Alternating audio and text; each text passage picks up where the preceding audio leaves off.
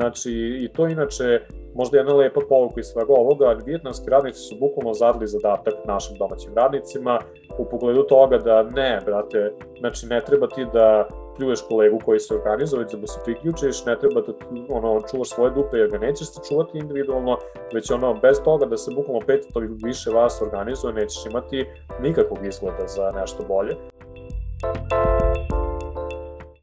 nije, nije problem kao danas kako uraditi nešto, znači sve moguće ako se sprema na borbu, ali je možda i problem ideološke prirode što mi u glavama imamo nešto što nikad neće ponovo doći, osim ako ga mi ne izborimo. Bez ekologa, bez ono hemičara, bez sociologa, bez ono tih raznih struka arhitekata, ti ne možeš rešiti nijedan problem. Iz mog ugla nekako ja bih volao prosto da se internacionalizuje, kažem, ta ekološka borba i da se kroz ono ekološku ekonomiju malo razbije ovo što Vučić govori, on ti govori, e, možeš zbog BDP-a, ne znam, ono, uzdisati loš vazduh, brate, ne moraš.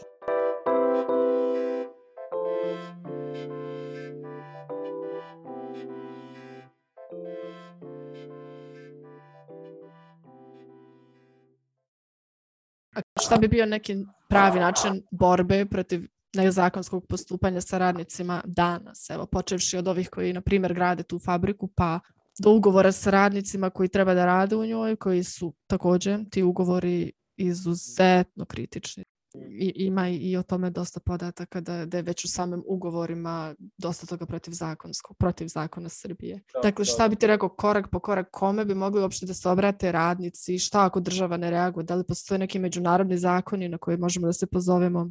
I neke međunarodne institucije kojima bi se mogli radnici obratiti u ovakvim slučajevima? Uf, pa, znaš kako, iskreno u praksi teško.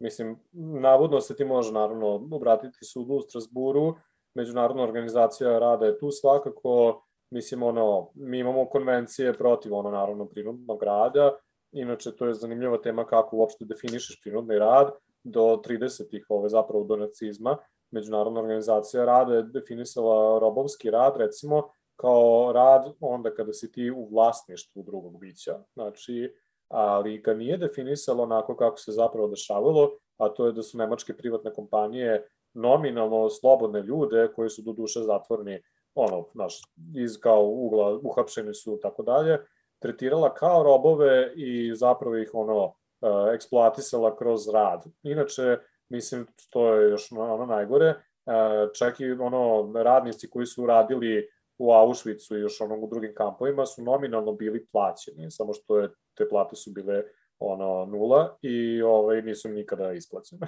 ovaj i no, no, znaš, nominalno su bile regulisane preko socijalnog osiguranja i tako dalje. I to tako recimo nešto je moglo da prođe nekažnjeno čak i pod međunarodnim standardima, iako je predstavljalo komunitarnu katastrofu. Tek posle rata je Međunarodna organizacija rada promenila definiciju robovskog rada iz ono kao toga da si ti u nečem vlasništvu do toga da neko tebe tretira kao roba, znači kroz praksu. Zato što ono, mislim, Ovo bi lako moglo obuhvatati period, recimo, do američkog civilnog rata, ali ne novi period kapitalizma. I ovaj, prinudni rad danas, mislim, mi recimo ekonomski istoričari ovaj, ono rada definišu sa više kao prinudni rad kroz prakse, jer nijedan rad nije skroz slobodan. Znači, ni ti ni ja sigurno nemamo skroz potpunosti da uživamo svoja slobodna prava, ono, znaš, kao dok se zaista to ne desi na ono, u realnosti, uvek postoji neka sredstva prinudne, pa makar ekonomskog pritiska. Tako da mislim, znaš, kao, sve zavisi, znaš, nisu ni ta strana, kako kažemo, ni ta legislativna rešenja, ni ta pravna tela uvek savršena.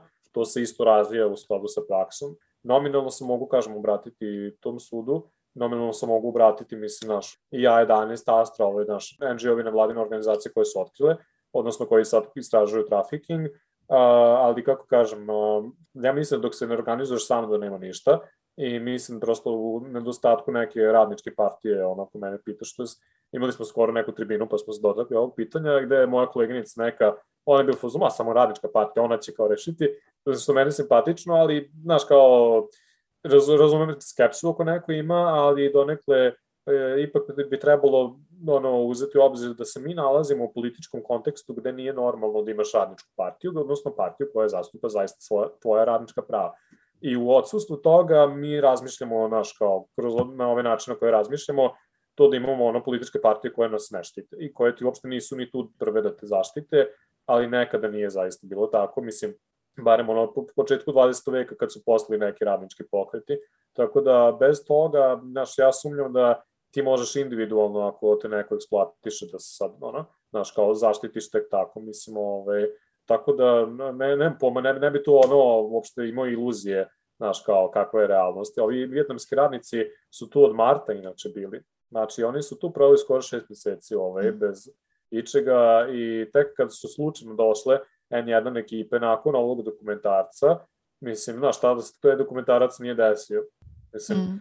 znaš, tako da ovaj, isto se dešava, kažem, isto sa srpskim radnicima i hrvatskim i šta god, koga radi u Srbiji, bi čak oni turski i indijski radnici koji su bukvalno otišli iz Srbije zbog radnih prava loših, ona. Mislim, mm. ni to ti dosta govori, tako da ja se nadam, evo, u praksi mogu reći kako izgledalo, nekoliko nas aktivista smo se okupili u ono, Novom Sadu, Beogradu i Zrenjaninu, organizovali smo ono pomoć za hranu, uh, skupljalo se bukvalno svako dana do 8, svako drugo dana išlo drugačija ekipa da im donosi, kolima uh, preko Zrenjanskog socijalnog foruma u Zrenjinu, pošto su ih razbili te vijetnamske radnike na pet lokacija, ja sam bio na svih pet u Zrenjaninu i mislim, onda nekako smo ono fizički to dostavljali, ubeđivali smo se sa obezbeđenjem, ono bilo je to svega i svačega, ali znaš, ono kao jebi ga to ti ide u rok službe, znači ono ako hoćeš zaista da pomogneš tim ljudima, budi spreman da se boriš za to. I ako oni zaista hoće promene to, ne budu spremni da se bore za to. I mm. oni da se nisu organizovali njih 500, da nisu stupili u štrajk, mi ovo ne bismo znali.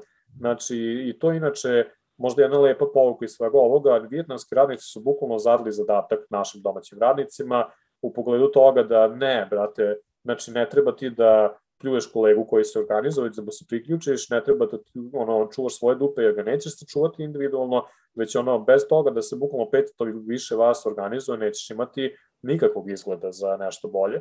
Mislim, moje isto iskustvo je negde da u pravnom sistemu ti ako ideš individualno, ti se niko i ništa. Znači, ne, neće ti tu daleko dogurati, možeš, ali ćeš sačekati ili će te neko zajebati. Bukvalno tako snaga je u kolektivu i to je možda nešto pozitivno, ovo što smo pričali za Kinu, to što ti rekla zapravo za kolektivno razmišljanje, ja isto mislim da su to ono dve strane novčića. Da, to ljudi kao ovo je kao diktatura, ono ovo, ali u realnosti to je komunistička partija sa kapitalističkom zemljom. I uz sve i protivrečnosti, ali i lepe strane koje to ove, donosi, a to je neki taj kolektivizam. Znači, to je ipak ono negde to da ti nije toliko znaš, ono, nejasno, ovaj, da je snaga u kolektivu, što može biti loše nekada, ali nominalno u ovom slučaju radničkog organizovanja, koje naravno u Kini isto dosta problematično, ali ja mogu kažemo barem da su u ovom slučaju konkretno vjetnamski radnici tu bili apsolutno pravu i meni je ta neka kolektivna svest vrlo bliska ovaj, u smislu dobrodošlo je da se u Srbiji počne toga razmišljati jer ovo što mi radimo sad trenutno individualno i sad ne znam koliko znate, ali kao, mislim, kod nas u štrajkovi radnika bili to da su ljudi odsecali sebi prste, znaš, i tako dalje, i ono, self-mutilation, i mislim, kao, zaista kod su sami sebi izrabljivali, to je naš, naše borbe su tako izgleda, nažalost, u Srbiji, što je katastrofa. Samo da bude što više ono kao patnje, a ovaj, mislim, kolektivno ono jako teško, zato, mislim, zato što su ih prosto isekli institucije. Tako da ako ovo je, treba kroz vijetnamske radnike da se u Srbiju vrati neka vrsta dobre prakse, brate, neka, nek bude i kroz vijetnamske radnike samo da se vrati taj kolektivitet. Ukratko. Meni je rodbina iz Renjanina rekla za Foricu sad vezano za te vjetnamske radnike kao 2060. ono učbenici iz istorije kao šta deca uče. Uh, ono, vjetnamski radnici 2021. štrajkovali, oslobodili se iz kineske fabrike sledeće godine oslobodili Zrenjanin i posle toga celu Srbiju. Vijetnam je srce Srbije. da, da. Pa, ne bi, da. možda bi bilo tako loše. Pa, bukvalno, mislim, mada i kod njih je katastrofa što se tiče radnih prava, ali ne, ne, da, ne. to je stvarno... interesantno, da. Da li bi se slično nešto desilo da je 500 srpskih radnika u Vjetnamu, jer ono, onda imaju samo jedni druge, znaš. Ponekad pomislim da se naši ljudi stalno osane na tu neku državu koja će nešto da uradi. I stalno se nekako taj pojam provlači. Država nije uradila ovo, država je uradila ono, uglavnom nije uradila nešto. Država sad, duradi nešto. duradi nešto. Imam osjećaj da se ljudi, možda to sad nije suština stvari da li ćemo zvati država ili vlada, ali mi ne biramo državu koja treba da uradi. Mi smo već u toj državi. Ti biraš tu vladu i ne znam da li ljudima jasno ko tu treba nešto da uradi. Ako kažem država, pa i ja sam država, državljanin. Kao da se sklanja odgovornost sa građana, nego ta država će da uradi, a nije ti jasno da si ti ta država na koji god način bio donosilac promjena. Da, da, da, da, da slažem se. I mislim, zanimljivo da se to povuklo tu paralelu, je to tačno ono, recimo, što meni nisam mogo tačno da formulišem u glavi, ali stalno imam osjećaj kao da nema nekako drugačije gledamo na državu. U Nemačkoj nije to tako, tamo sam imao nekako osjećaj da ljudi imaju upravo to što si rekla, kao pa ja sam državljen, kao ja sam član države, kao naravno mm. da se mhm. pitam. Ono. Neću da se kažem da je Nemačka super ili nije uopšte i imam gomilo aktivista drugara koji su ono, od strane ovog Fefasovog šuca, ovaj, ono, bukvalno lažno optuženi za neke proteste u Hamburgu i ima, ima nekih ono ekstremnih stvari koje čak u Srbiji nema, ali ovaj, načelno bih rekao da recimo da, meni kad kažeš država, ja to gledam kao ono intuitivno, laički, znači psihički, kao nešto strano, neka država, država da nešto uradi, no, bukvalno, ali da, mislim, nema tu kod nas to da, da je kao čoveče, ja tebe činim kao državu, znači ti meni mm. odgovaraš, a ne ja tebi. Mislim, Možda je to ostatak tog nekog ranijeg, kad je stvarno država i radila nešto iz tog nekog komunističkog doba. Bila je država i, i, i stvarno je radila u interesu građana, a sad više se ne radi u interesu građana i to je više nego očigledno u čijem interesu se promjene dešavaju. Da, da, da.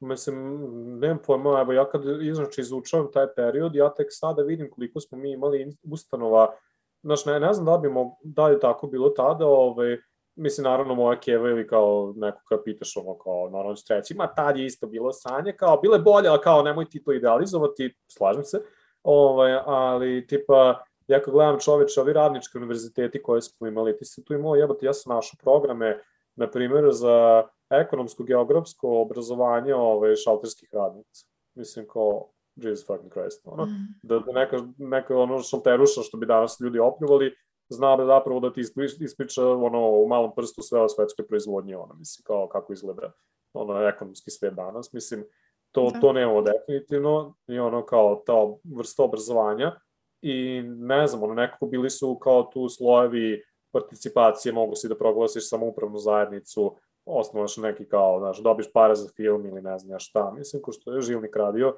imao se tako neke, ono, mogućnosti učestvovanja gde god i u opštinom odborima, bla, bla, ok, do neke mere, do 80-ih, ali ne znam, ono kod nas baš to nema sada, urušilo se sve. Ima li nekih primjera u svijetu i sadašnjosti koji su pozitivni, da se ti informišeš o nekim dobrim primjerima koji mogu nama da daju neku nadu razrješenja ove situacije u korist građana? Radnih prava, kao misliš, mm -hmm. ili... Da. Hmm, pa onako, znaš, kao, glupo mi zvuči sad u toku celog razgovora, ono dajem sam neke loše, vrate, vesti, ono, znači, o, i, i onda odem kao kući, ono, kao, sviram klavir, se, ali, ove, tipa, mislim, znam samo za neke jako lude izuzetke, ono, tipa, u Grčkoj ima neka sela koja su uvijek imala komunističku vlast, koji su, ono, kao super, ima ono, ove, a, u Španiji, o bože, gospode, zaboravio se sad ime, ima jedno malo selo isto gde su komunisti bili i gde su prilike ono rente ono 20 evra ono kao mesečno, svi su happy kao ljudi boli kurac, tako da očigledno ono možda imaš te neke male čak i ostrvca ono ludila, ali meni je zapravo možda najbolji primer eventualno pa zapravo kad sam radio ta istraživanja radničkog pokreta kao istorijski, ono kod nas kao tog radničkog obrazovanja, to je tako jedna luda istorija i to je puno meni inspiracije. Zanimalo me, na primer, ti marksistički centri kako su nastali. Ispostavilo se da nije postao ni jedan dekret, ove nije, nije partija ih napravila skroz, već su zapravo izrasli iz rata, onom drugog svetskog rata i prvog svetskog rata, kada su bukvalno ono, znači ljudi se borili za obrazovanje zato što ti država nije govorila šta se dešava, sva istorija ti se bavila buržovaskom istorijom, ono, kao istorijom ono, partije i velikih ličnosti, niko ti ne govorio kako žive radnici, kako se izboriti, šta je kapitalizam, zašto je on u krizi, zašto je pad Wall Streeta se desio, kako to ima utice na kraljevinu Jugoslaviju, koja je tada isto bila u krizi, ali agrarnoj.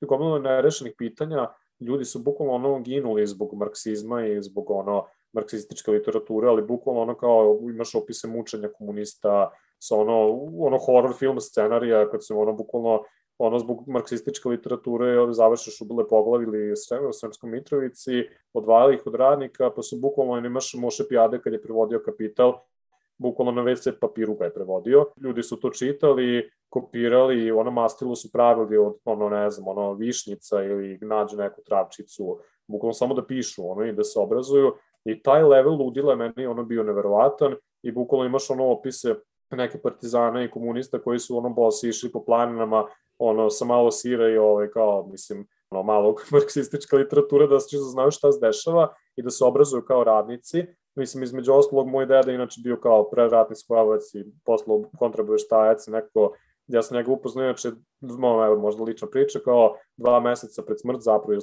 smo živjeli u istoj kući, i ono kad sam ono kao skonto da vodio neku četu, da je ono učestvovao u tome i kao, ko, ko je to ono ludačka neka predanost toj ideji da trebaš ti kao radnik da i ono izboriš se svoje prava, ne može niko da ti oduzme i neka ono ludačka ubeđenost u to i ono kao spremnost na ono bilo kakvu žrtvu samo da ti se izboriš da to da budeš ljudsko biće, da imaš ono kao osnove prava, da učestvuješ u politici, da imaš ono, znaš, kao, da te tretiraju kao čoveka. I ovo, recimo, znam da je ono preko bake posle kad je umro mi je pričao da ima neki moto, a to je da mi moramo da budemo dostojni nas samih. I kao, mislim, to je neko, znaš, ono kao, to je taj period, tako su ljudi neko razmišljali i ove, meni je inače zanimljivo Čak me je zanimalo kako su radnički univerziteti nastali, znaš, u Novom Sadu se privatizuje sada ovaj, IT kompanija kupuje jedan radnički univerzitet, ovaj, onu iz, iz gradu, onu staru.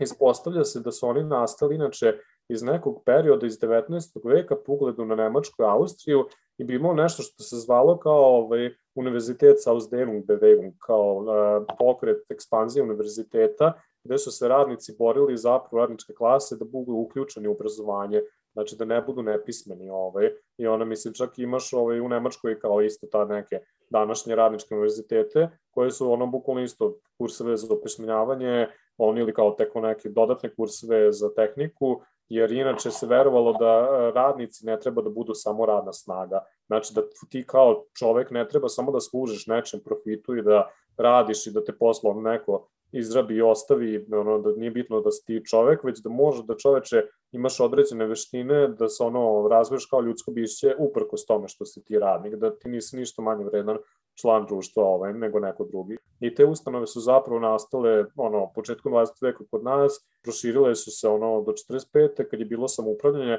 pre toga su se zvali narodni univerziteti, a posle toga u samoupravljanju su ovaj, u, ovaj, uspostavljeni radnički univerziteti, koji su onda ne samo što su opismenjavali radnike kao ono to je toliko ljudska bića, nego su a, specifično za samoupravljanje se trudili da zaista pripreme radnike da znaju kako izgleda samoupravljanje, koje su zakoni koje se te, tebe tiču, bukvalno što sam ti sad malo prepitala, Dragana, i koji su ove, ono, mehanizmi koje ti možda odlučuješ, kako izgleda jedan sastanak, kako izgleda tvoje političko vodstvo, kako izgleda ekonomija, kako ćeš ti da odlučiš o investiranju ako ne znaš kako izgleda tvoja privreda, ako ne znaš kao, koja preduzeća, zašto, kako gube, kako ne gube i tako dalje. Naravno da se to sve raspalo kasnije ono, i pod uticajem zapada i pod uticajem ovaj, svetske krize 80-ih, tada sve puca, ali ovaj, čitav taj sistem marksističkog i radničkog obrazovanja kroz radničke i narodne univerzitete, marksističke centre i tako dalje, je meni bio nešto fascinantno zato što ti vidiš prvo da izrastao iz radničke klase, drugo da je bio decentralizovan, nije ga niko koordinirao, iako je bilo nekih većih manjih ustanova, u Vojvodini inače bilo 36 centara ovaj, tih bukvalno ali bunar imao svoj marksistički centar. Ta ideja da, znaš, ono je postao pokret radništva koji je zaista hteo sam sebe da obrazuje, sam sebe da spremi ono kao i za revoluciju i za bilo kakvu vrstu ono kao borbe, pre svega da bi u onom krajnjem cilju sebi samo omogućio bolji položaj, pa čoveč odatle treba dosta naučiti. Jer mi danas možda smo u tom istorijskom periodu gde ovog tako nečega nema, ali tako neč, nešto je moguće, a moguće je zato što se upravo desilo. Tako da i to ne treba zaboraviti, inače meni je fascinantno Uh, ovo niče, inače niko ne zna, ne postoje naučni radovi o tome, znači bukvalno nigde nije zabeleženo. Ja kada radim intervjue sa tim ljudima, to je kao paralelni univerzum, tim zaposlenim u tim centrima.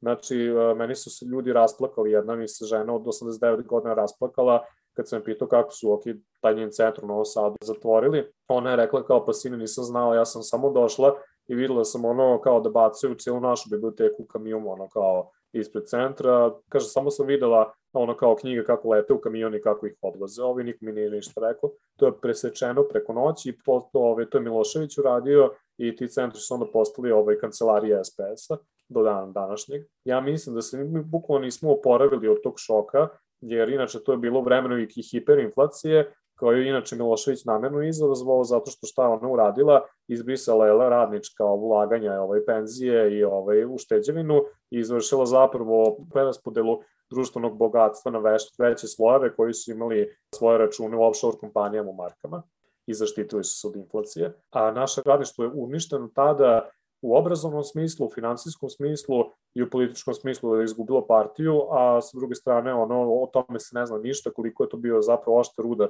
na mm. ono kao radničku klasu u Jugoslaviji. Mislim, Da, a to je bila jedna od najobrazovanijih radničkih klasa ikad. Mislim, verovatno je bio šok, pošto ako su se do tada toliko obrazovali, možda nisu bili spremni za taj scenario, ali koja druga generacija će onda da ima više znanja da se izbori sa stvarima koje se dešavaju?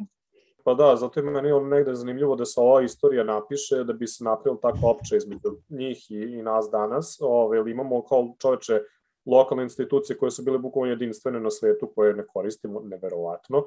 I ovaj, a svi smo u fazonu, a to je bilo ideologija kao te brane, ja kad sam otišao u arhiv Vojvodine, ja kad sam vidio da su ti centri, na primjer, publikovali ono knjige o emocionalnoj inteligenciji, ono, marksistički centri, kao what the fuck, Da, zato što se ovaj, gledalo kako da obrazuješ radnika i odnosno radničko dete, jer nije isto kada ona ima 7 godina, 20 godina, ima drugačije očekivanja, 50 godina i kako u toku celog života da ti pripremiš čoveka za borbu. Mislim, kao, pičku materinu, zašto vi to ne znamo? Kao, znači, ono, čito da. neke stvari u arhivu i kao, brat, ono, doživljamo, ono, kognitivnu disonancu. kao, ni moguće ovo.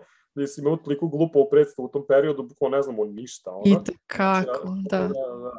Mislim, znaš, kao ne kažem ja da su oni sad bili svemoćni, mislim, oni su zavisili od partije SKV, ovog Savjez komunista Vojvodine, i nisu mogli da radi bilo šta sad puno bez toga, ali je kao sistem, taj, ono, to je taj sistem funkcionišu super tako kako je napravljen, samo što nažalost u toku 80-ih iz partije su izašli, ono, izašlo je dosta radnika, bilo je tu dosta prepucavanja oko programa, mislim, vidiš ti polako to da se raspada i nisu zato bili sad neki intelektualci što ćeš očekivati ti serviraju sve, ali su bili ono zaduženi za tu osnovnu funkciju da ono radnika ne ostave neobrazovanog. I u toj funkciji su uspevali zaista. I to ne znači da će ti radnik sad znati biti intelektualac, da će ti sad tu baratati nekim teorijama, ali znači da on kada dođe na u komitet neki, on će znati, znači, eventualno gde da investira, znači kao kakve su uopšte ustanove, čitaće teoriju, znaće zakone, u nekom idealnom slučaju i bit će ono neka vrsta odgovornog i informisanog člana zajednice. Čak i ono da taj sistem ne uspe obi stvari biti zadovoljene, barem na nek, nekom ono elementarnom nivou i to ono korak, 500 koraka napred od recimo 1945. kad je 50% stanovništva bilo nepismeno, znači da. ne mogli da se popiše svojim imenom. Kad pričaš tako te priče, sad sam se sjetila, pa evo prije dva dana ili tri sam slušala podcast Joe Rogan i gost mu je bio Johan Hari, pisac. Jedna od stvari koje on rekao bilo je baš to da, da je problem obrazovanja koje mi imamo i dalje, tog gdje sjediš u školskim klupama, slušaš šta ti se govori i da smo svi mi odrasli na takvom obrazovanju gdje ti se govori čuti i slušaj. Jer to, to obrazovanje je izmišljeno jeli, u toj nekoj industrijskoj eri koja je trebalo da napravi industrijske radnike koji se ništa ne pitaju, samo čute, slušaju i, i stoje za trakom. I sad ti mi ispričaš ovu priču o obrazovanju kakvo, kakvo skoro ni, ni mi nismo dobili bolje. Pa da, ja, ja tebe znam deset godina i ja sam tek nedavno počela da razumijem šta ti radiš, razumiješ? Nije me zanimalo dok sam bila mlađa kao, jo, nije to sad, šta to mene briga, to je to neka Nije, da, nije, da. nije ni bilo toliko prezentno da ja sad vidim da je da. to bitno za moj život, ali je bilo bitno. Čovječe, imala sam 20 koju godinu, mislim, kada se pitaš ako ne tad? Kako će da izgleda tvoj radni vijek? Nebitno da li, da li sam planirala tad da ostanem u Srbiji ili ne hoću da kažem, a ja sam kao fakultetski obrazovana, a nisam imala dosta znanja o, o istoriji, evo i sad čujem neke nove stvari, nove činjenice. Tako da šta očekivati od ljudi koji nemaju ni, em, ni vremena, ni volje, ni navike da nešto čitaju, da se obrazuju ni o sadašnjosti, a kamoli o prošlosti. Evo, to su ovi koji kažu država. Što država ne uradi? Pa što bi ja morao da čitam kad ima država?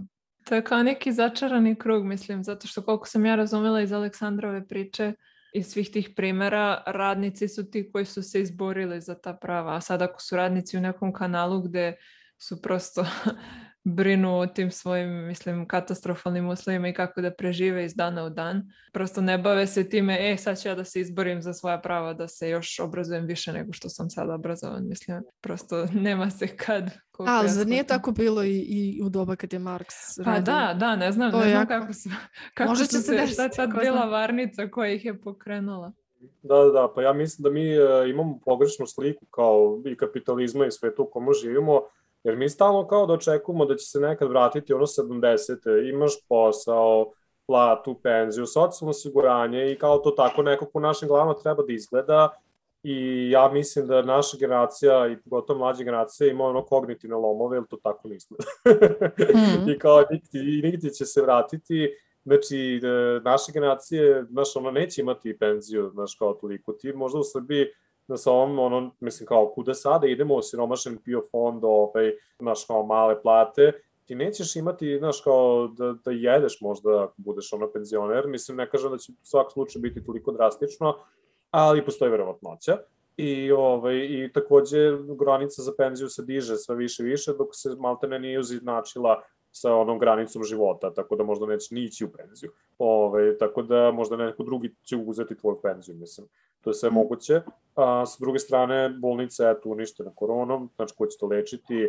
Znači, osnovne ustanove i ono obrazovanje, znači i korona je sve promenila i ovaj, urušeno i pre toga, znači obrazovanje, zdravstvo, socijalno osiguravanje penzija, ti više čoveč nemaš onaj set institucija koje čak i ono u klasičnom liberalizmu očekivano da će te socijalizovati. Ti nemaš više nigde da budeš kao ljudsko biće, jebote. Bukvalno ono sedeš ili truniš kod kuće ili se izrabljuješ na poslu. Mislim, to je ono naša realnost, to je bilo mnogo gore ranije, gde radnički stanovi nisu imali ni centralno grejanje, niti išta, niti je bilo izgledno da će radnička klasa išta, išta postići kao ono klasa, a kamo li ti kao radnik individualno i jedino je bilo ono u to nekoj solidarnosti odgovora, ali što najgore, mislim, nije, nije problem kao danas kako uraditi nešto, znači sve moguće ako se sprema na borbu, ali je možda i problem ideološke prirode što mi u glavama imamo nešto što nikad neće ponovo doći, osim ako ga mi ne izborimo. I ja mislim da prosto ljudi će morati u nekom trenutku da pređu i da ono prosto kažu slušaj, ok, ako žrtvujem, ne znam, ono svoje vreme,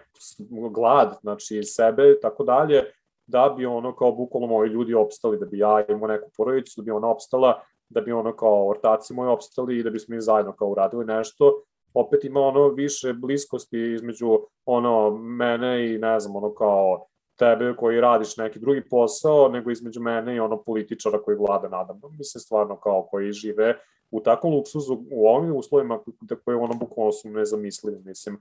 Znaš, ono, meni, kažem, kad su ispluvali, ludila sa bunga bunga žurkama, sve se zabavaju čoveče, njima nije kriza, to ljudi ne razumeju, on, za njih je cool ovaj period, ovaj period ekspanzije, i za njih mm. je ovo kao, koji se kurac, vi bunite govna, ono, mm. mislim, za nas nije, i zato što ne, nećemo imati ni osnovnu infrastrukturu, mislim, ja ne znam, kao pola mojih, ono, ortaka i poznanika, svi žive sa mamom i tatama sa skoro 30-40 godina, Mm. Mislim, znaš, ono je šta treba da dočekamo duboku starost da, da živimo sa mamom i tatom, jebote.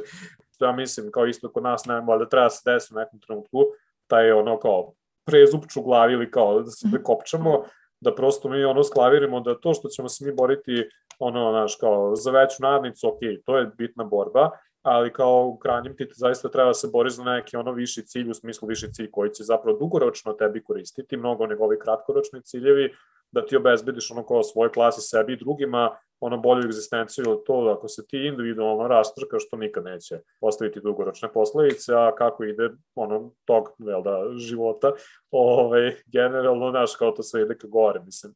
Individualizam da. ostavlja trag u, u svim sferama, da.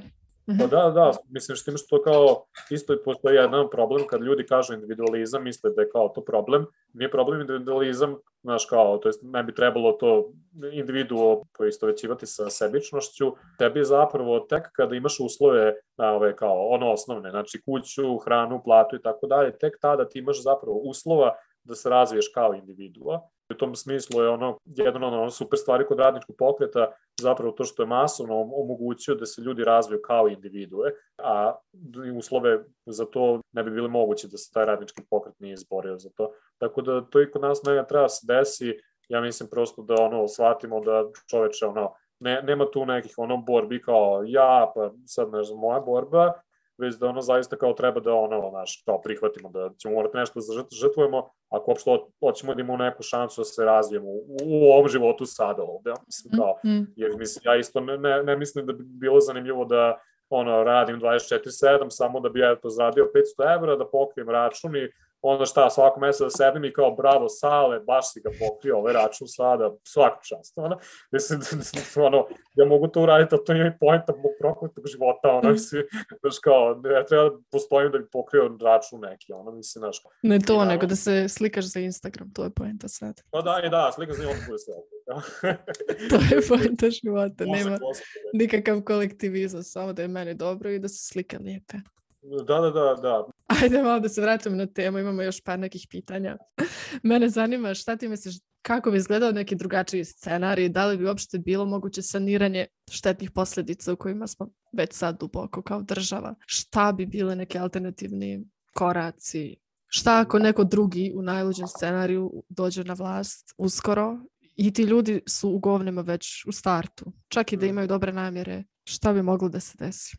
Uf, pa znaš kako, ja mislim da bi uh, kod nas bukvalno ekonomija i politika mogle ovako da funkcionišu bolje, bukvalno sutra, samo da se iskopčaju iz tih nekih stvari, mislim, kao tipa koliko ono para odlazi na političare, da bi se tu napravio čisto, mislim, ja ne mislim da će se to realno desiti, ali čoveče, ono, mislim, samo te subvencije da se preusmene na školstvo i zdravstvo, ti bi moglo da imaš dobro školstvo i zdravstvo. Mislim, ono, Ili bar na domaće firme, a ne na strane firme. pa, ne, ne, upravo, upravo to, mislim, kao, mi smo ugasili ono Jugo Remediju i tako, ono Petra Apš, neke profitabilne ok firme. Mislim, znaš, i tu isto ima problem kao u domaće firme, ok, da i Mišković ima domaće firme, pa, ovaj, znaš, ono, pa ne treba njemu toliko pomoći, ali treba, znaš, kao sitnim preduzetnicima, jer, znaš, kao čitava ideologija neoliberalizma, odnosno kao i zapravo naših političkih stranaka je bilo kao da pomažu e, sitnim preduzetnicima, ono, mislim, kako nije pomogu, ovaj, a pomoglo samo monopolistima i onda to bi trebalo raditi i u fazonu, naš, preusmeriti te subvencije, recimo, mislim, tih, ono, 80 miliona evra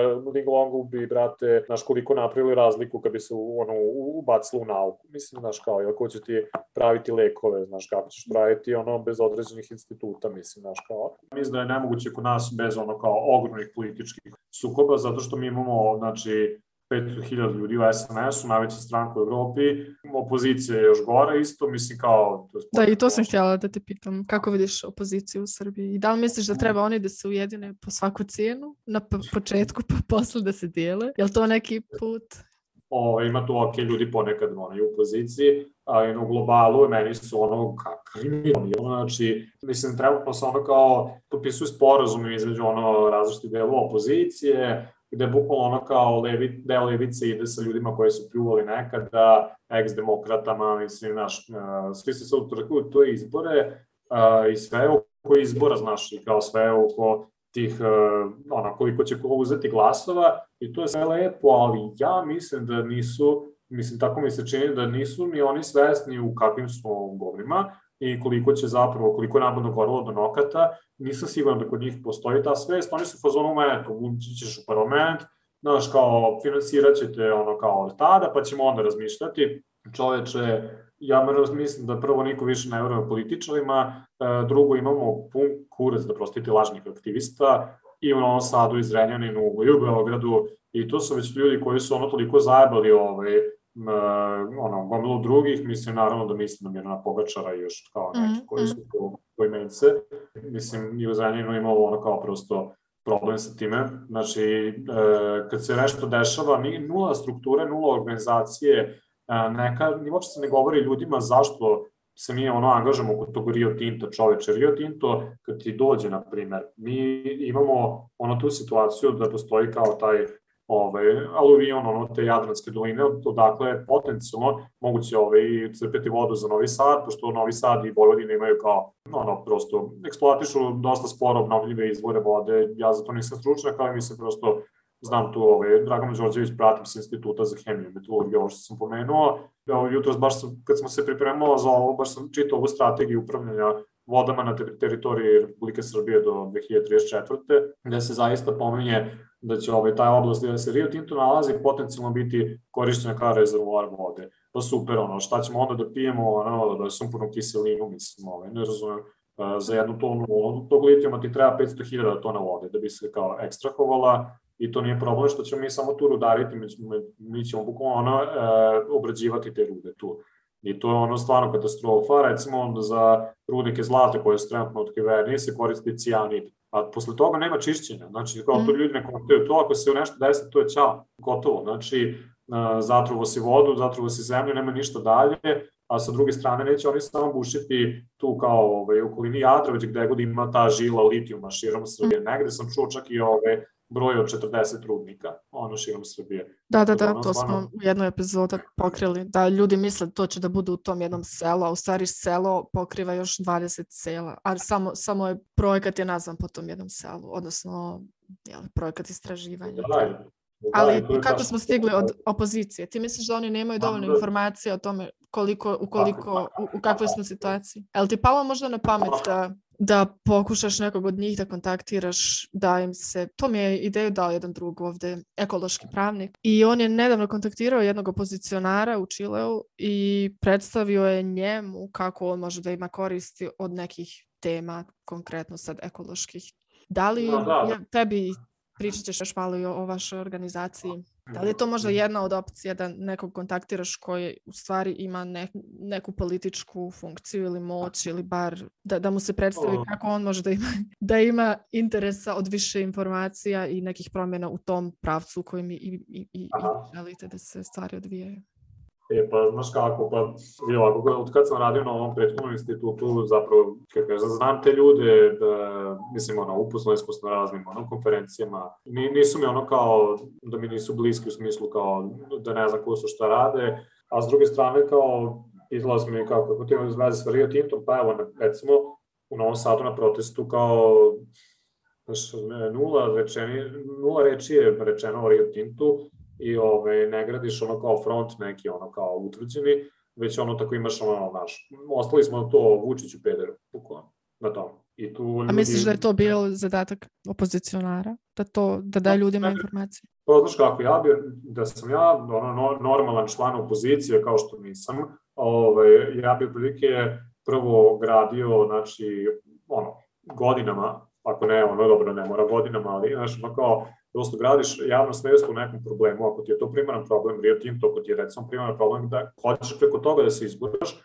Naravno da neće, oni imaju ono kao prosto i drugih ovaj tema, ali ajde kažeš ako je zaista ovo iz ugla mene kao aktiviste, znači odnosno kao ono neko ko žele se angažuje po pitanju toga, ako je Rio Tinto ili Glom, ako su dva goruća problema, onda idemo full on samo na to. Znači radimo istraživanja, ono kao vršimo pritisak kao ove napravne institucije, uh, inače recimo jedan od razloga što smo registrovali NGO, koje smo, koje smo pomenula, znači mi kao nevladina organizacija e, možemo da tražimo da se rade ono istraživanja od strane nadležnih ustanova, a recimo to ne možeš kao pojedinac. Znači, mhm, tebi treba nevladina organizacija da bi, na primjer, naložio institutu za hemiju ili nekom ovaj, zavodu za zdravlje da uradi neke analize. Znači, ti to možeš mhm. kao nevladina organizacija. I drugo, ja mislim prosto da ti bez ono kao nekoliko stručnjaka ovaj, ono kao prosto angažovani gađani, po navodnicima tako nazvamo, da ti ne možeš raditi ništa jer naše opozicije, prvo to su političari, one, oni su svako čorbimi rođija, vole dramu, žele izbore, kraj. Znači, ali oni neće rešiti problem. Mislim, znaš, oni su ponekad i prepreka ovaj, rešavanju problema, baš zato što toliko vremena i resursa imaju. Znači, ti političke stranke zaista postoje ono, i finansiraju se sa jako velikim parama ja nisam siguran da će oni uraditi išta po pitanju ovaj, ono, Rio Tinta i tako dalje u nekom suštinskom nivou, iako mogu da polarizuju masu, ali tebi zaista, znaš, ono, bez ekologa, bez ono hemičara, bez sociologa, bez ono tih raznih struka arhitekata, ti ne možeš rešiti nijedan problem. Ono. Da li je to rešenje? Mislim, očigledno je da oni neće pitati stručnjake za mišljenja. Šta onda da rade stručnjaci? Da, da, da govore ovako u, u vazduh kao da sad, mm -hmm. da se organizujemo. Jer recimo tu je taj pozitivan primjer ove organizacije, Znači, ono, imaš e, tu nas koji smo se u fazonu imali iskustvo u nekoliko pokreta različitih, ono, ono na, na Novom Sadu, Limanu i neki ono, čekalijevičarski pokreti, e, koji smo se razočarali i koji smo u fazonu, ok, ovde više ljudi ne znaju ništa, ništa ne rade i kad nešto rade, rade jako traljavo i ovaj, sporo, ajmo da vidimo šta mi možemo. I onda recimo šta se desilo, evo, uzeli smo Novi Sad na vodi zato što prosto iz Novog Sada smo i ovaj, vidimo šta se tu dešava. Ova jedna arhitektica koja je ovaj, masterirala na Dunavu i Šodršu, ovaj, na Dunavcu i Šodršu, ona je recimo nama zna, zna da kaže sve arhitektonski koji drugačiji modeli postoje u drugim državama. Nalistala ono 10 država i slušam, može to i to i to uraditi. Evo imam studije, evo ti moja studija, evo ovaj, da vidimo nešto, uradimo sa time Onda sam recimo, ovaj, eh, onda je tu recimo bila ekološka pravnica koja je u da vidiš ovaj deo obali nije uopšte pravno regulisan, to i to i to bi trebalo pomenuti u tom i tom zakonu. E onda sam ono, ne znam, tipa se uključio jako i radim kineske investicije, koji sam u slušaj, most gradi taj ta kompanija CRBC koja je nadabala nacionalni projekat, zato ovaj, pumpa ovde cenu, a u Austriji, u, bože, u Hrvatskoj je prošla za, za, na tenderima zato što je spuštala cenu, znači oni tu nešto nelegalno rade, a vidiš rade i to i to i to, i rade i za Ling Long, znači verovatno je taj most zato što je kao tako građen da prolaze Ling Longovi kamioni, da se sporo diže, verovatno je to povezano sa ovim zreninom, znači bit će još zagađenje u Novom Sadu. I onda smo se mi tako nadovezivali jedno na drugo i u fazonu kao ovo je odlična osnova za organizaciju, ajmo da vidimo. I onda mi smo krenuli da radimo istraživanja i sad prvo, prva faza tih naših istraživanja je neka vrsta kao watchdog medija, odnosno da mi gledamo šta vlast radi i da uopšte analiziramo, znači kao od do ono 10 godina pre ovoga koje su ono regulative, ne znam, ovog sada vodi, za šta zapravo ne treba puno vremena, nekoliko meseci, do ovog današnjeg trenutka. Mi ćemo to objaviti u okviru publikacije koje ćemo onda ove, ovaj, deliti na otvaranju i posle otvaranja sa 4. decembra, bukvalno sledećeg vikenda na Spensu, igrom slučaja kad je ovaj, ove blokade autoputeva najavljene u Srbiji, tako to isto treba tek da rešimo. Sledeće godine bilo je pomena da se borimo protiv Rio Tinta, ja svako mislim da ćemo se oko toga uključiti i, ove, i da ono, vršimo edukaciju ljudi, znači ovde ono, na ovom sadu, da se vidi ono prosto i kroz ugoj ekološke ekonomije i pravne ovaj, ekologije šta se tu dešava i cilj je da sledeće godine, ono do kraja godine imaš ono nekoliko barem 20-30 ljudi koji su ono prosto spremni da imaju znanja da uđu u akciju i da znaju gde treba da uđu i šta treba da rade. Znači, ja isto mislim da niko nas nema iluzije da će pravni problemi da se da reše ovo, ali baš zato je to poenta da mi kao sa nekim ono znanjem uđemo tu, da napravimo pritisak na institucije i da onda kao društveni pokret zaista to iznesemo u javnost i ono okupimo ljude koji će biti spremni da stanu iza toga. Jer džabe mi pravimo društveni pokret ako ti nemaš iza čega da staneš, a to je prva greška, društvena greška broj jedan, svih današnjih pokreta, svako bi nešto da uradi i svako bi da bude taj heroj, ali nema sadržaja. I to je moj, moja glavna kritika i opozicije i tih herojskih aktivista, ono kao poput Mirana Pogačar u Novom Sadu, ono mi se moj kolega, ali nažalost, ono, ja ne znam, ono, ne slažem se, niti ću se ikada složiti uh, sa tim da bilo ko izađe, znači, na ulice i da govori masi, idemo, ja znam, ja ću to uraditi, a da za sebe nemaš, brate, ono, desetogodišnji rad, da nemaš metod, i da nemaš podršku zaista od ljudi koji se ovaj, bave tom temom za koju si se ti založio, a pogotovo ako si se založio ono prethodno za pet različitih pokreta u kojima zapravo podjednako nemaš znanja, niti iskustva, niti želje da pomogneš zaista ono na terenu.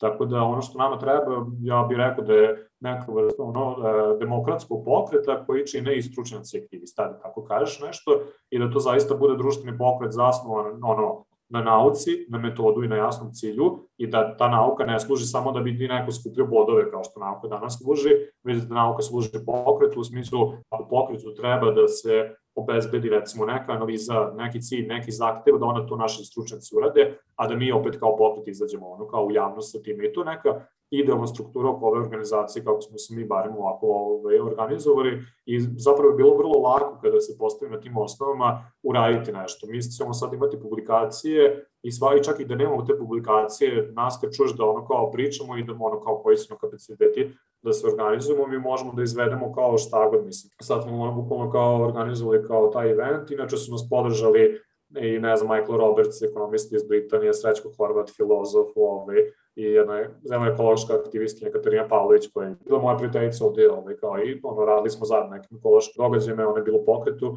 Tako da, mislim, znaš, ono, imamo gomilu ljudi koje možemo aktivirati i, kako kažem, meni to onda nije problem kao da mi znamo šta da radimo, nek prosto koliko nas ljudi podržava. Ako nas, nadam se, ovaj, sad kad krenemo u javnost da izađemo, da će biti tu i ovaj, da će ljudi skontati koji su nam mehanizmi i zapravo kao šta mi možemo da uradimo kao neka vrsta miksa stručnjaka i aktivista. Mislim, meni je isto po prvi put da ovo radim i na neki način me i ono raduje i ne znam, ono, kao, vidim da kad se mi organizujemo zajedno, da padaju neki mitovi. Ljudi misle sad da tu ne postoji ništa što se može raditi, da je jako to teško i sad nekako, zato što su toliko ljudi failovali pre nas, da jednostavno ne postoji sad tu ideja da ti može nešto uraditi. A zapravo ono što bi trebalo uraditi je ono, naš, kao prvo kadrove, znači ono što smo, čak i prije ovo što smo pričali za radničko obrazovanje, jednostavno osposobiti ljude za borbu. Znači, ne treba nama da neko kenja nečem, ne, to, to nismo mi, znači, niko ovde ne, ne, ne želi da, ne znam, ono, predaje ne znam šta, nego je poenta da ti ustaviš nekom drugom čoveku ruku, e, slušaj, ova kompanija ti gradi. Ja sam recimo napisao a, za neke ono, kineske kompanije u okviru ovog, te publikacije za Novi Sad na vodi, šta su problemi sa njima, kako se finansiraju, a, kako su dobili to, prosto kuda ide profit i zašto je to problem. Znači u startu ti ćeš znati, ono, ne, ne, ne da će ti biti problem sa kinezima, što su kinezi, već zašto ono kao imaš nacionalni projekt i šta je onda rešenje oduzimanje nacionalnog projekta i ono kao prosto otvaranje tendera za domaće firme, na primjer. To možemo da uradimo i onda u startu ti, na primjer, možeš imati da te podržavaju neke domaće firme, ne, ili da se podržavaju domaći aktivisti onda arhitektica ti kaže, slušaj, ja imam drugačiji, ono, kao primetbu za most, to možemo na generalnom urbanističkom planu da, ono, primetbu vršimo i da ona bude usvojena. I da onda tako da se mi postupeno, ono, prosto vršimo pritisak, dok taj most ne izgleda onako kako mi želimo i dok ne služi naše svrhe. Evo, što je još oko tog mosta na Sadu, kad sam ga pomenuo, sa druge strane, kameničke strane ima nekoliko porodica koje će se, ja mislim, evo sad opet ono spavane još neke stvari, ovo nismo ni pričali, ali zahvaljujući ovom zakonu o ekspropriaciji, ti ćeš moći bukvalno da imaš državu koja ti zbog mosta, ono uništi te porodice ćao, kaže ono, i selite se negde drude, mi ćemo onda organizovati ako se to desi, mislim, mi ćemo kao ovo prosto ono ideja, kažem, ne želim da iznosim ništa što nisam kako se konsultovao prethodno sa ono kolegama, mislim članom organizacije, ali recimo iz mog ugla logično bi bilo da se ono, naš, kao prosto sa združimo akcijom krov na glavom ili nekom drugom organizacijom izađe u zaštitu tih porodica onda, na primjer. Znači, to su velike stvari, ti infrastrukturni projekti koji se tiču mnogo faktora i bukvalno ti je potrebno da imaš jedno centralno telo koje se bavi ovime i koje će moći da organizuje pokret. Tako da mi nismo politička stranka, mislim, ono, naš, nemamo tih ambicija da kupimo jedan posto na izborima i kažemo bravo, super, ali želimo bukvalno da ponudimo strukturu jer to u Novom Sadu trenutno sad ne postoji. Postoje ono kao, ne znam, ne može Gari koji je, ono, bukvalno, Bora Novaković i kao bivši gradonačelnik koji je zapravo napisao taj koncept Novog Sada na vodi i on se kao bori sad protiv Novog Sada na vodi, molite, a bori se tako što ide i priča da je žrtva Vučića. Mislim, mm, o, da, na tome se bazira borba različnih ljudi da, da, protiv ja, Vučića, kao da, da je da. to suština. Da, da, sad svako se utrakuje, znaš, tako da je u fazonu, ako ovo zaista bude demokratski, ja sam u fazonu čak i ovo ne treba da bude nešto naša individualna priča, ovde se treba ono da se uključe ljudi poput tebe i poput bilo koga drugog i da se samo ponudi struktura, da, kanal gde ti možeš da utičeš, znači, ono, ne znam, ja bi to raz, tome razmišljao kao nešto, neka vrsta para političke partije, gde zaista mi nudimo strukturu i sad kao da je poenta ono pitanje da se demokratski odlučuje, jer ovo kažem, niko nas individualno neće ono kao to da vodi zbog sebe, već bukvalno ono zbog grada ili zemlje u kojoj živi, pa sad možda to propadne, možda mi svi ispadnemo budeletine kompletne, a možda to i uspe u svakom slučaju. Ja kad sam vidio kakve se ljudi angažuju na poziciji, na levičarskoj sceni, u fazonu, brate, pa ja i da napravim govno, bit će bolje od ovoga. Mislim, kako da ti kažem, ono, znači, bukvalo, ono, nema neki drugi, ne znam, osim ovakvog, ono, daš, kao stanja, jer je, jebi ga, ono, ja sam se isto začudio kad se ono prosto vratio u Srbiju, mislim kao ovde je baš propalo dosta toga i kao pičku materno, ajde, ono, barem, uh, kako kažemo, ovaj, mi im kao, pa nešto neko da uradi, mislim, to, mislim, šalim se, nije to godin danas napravili, napravljajući strukturu, inače mi imamo sad u ovom trenutku pravilnike o toga kako izgledaju sastanci, kako se ulazi u organizaciju, kako se odlučuje demokratski, znači ne kasni se, nema čačkanja nosa, nema dolaženja pijanog i tako dalje, bukvalno od toga imamo čak pravilnik o lepog ponašanju, ove, koje sam i lično pisao, i u sve sankcije. O, pa ne, to su problemi kod organizacije. Brate, otko ja znam, neko je možda je sin bio na žurci, zaljubio se ili raskinuo i sad baš mu je teško, pa okej, okay, onda Znači, nemoj doći ili ono kaže delegira neko drugog, tako da kod prvo isto trebalo tu strukturu kao kako izgleda uspešan pokret društveni, znači to bi trebalo prvo napraviti i onda prilike naš izabrati jedan ili dva cilja i da se napravi onda kao naš odgovor na te ciljeve. Naš jedan ciljeva je ono kao lansiranje inicijative Novi Sad za Novi Sad, zajednička akcija Novi Sad, ne samo oko Novog Sada na vodi, već da se Novi Sad generalno zaštiti od tih ono loših urbanih ekoloških promena, mislim, koje su tu, a prosto ono, naš, od Lig Longa, pa te regionalne deponije, pa onda Novog Sada na vodi, znaš, kao ogromne promene koje će namenjati kvalitet života i da se na neki način ono tu izgradi ekipa, formira ekipa koja će moći to da, ovaj, ono, prosto da hendla. Tako da, ali ajde, znaš, ono, ovo je sad negde, govorim ti kako je trenutno u procesu, ali to je, mislim, nismo se još ni otvorili,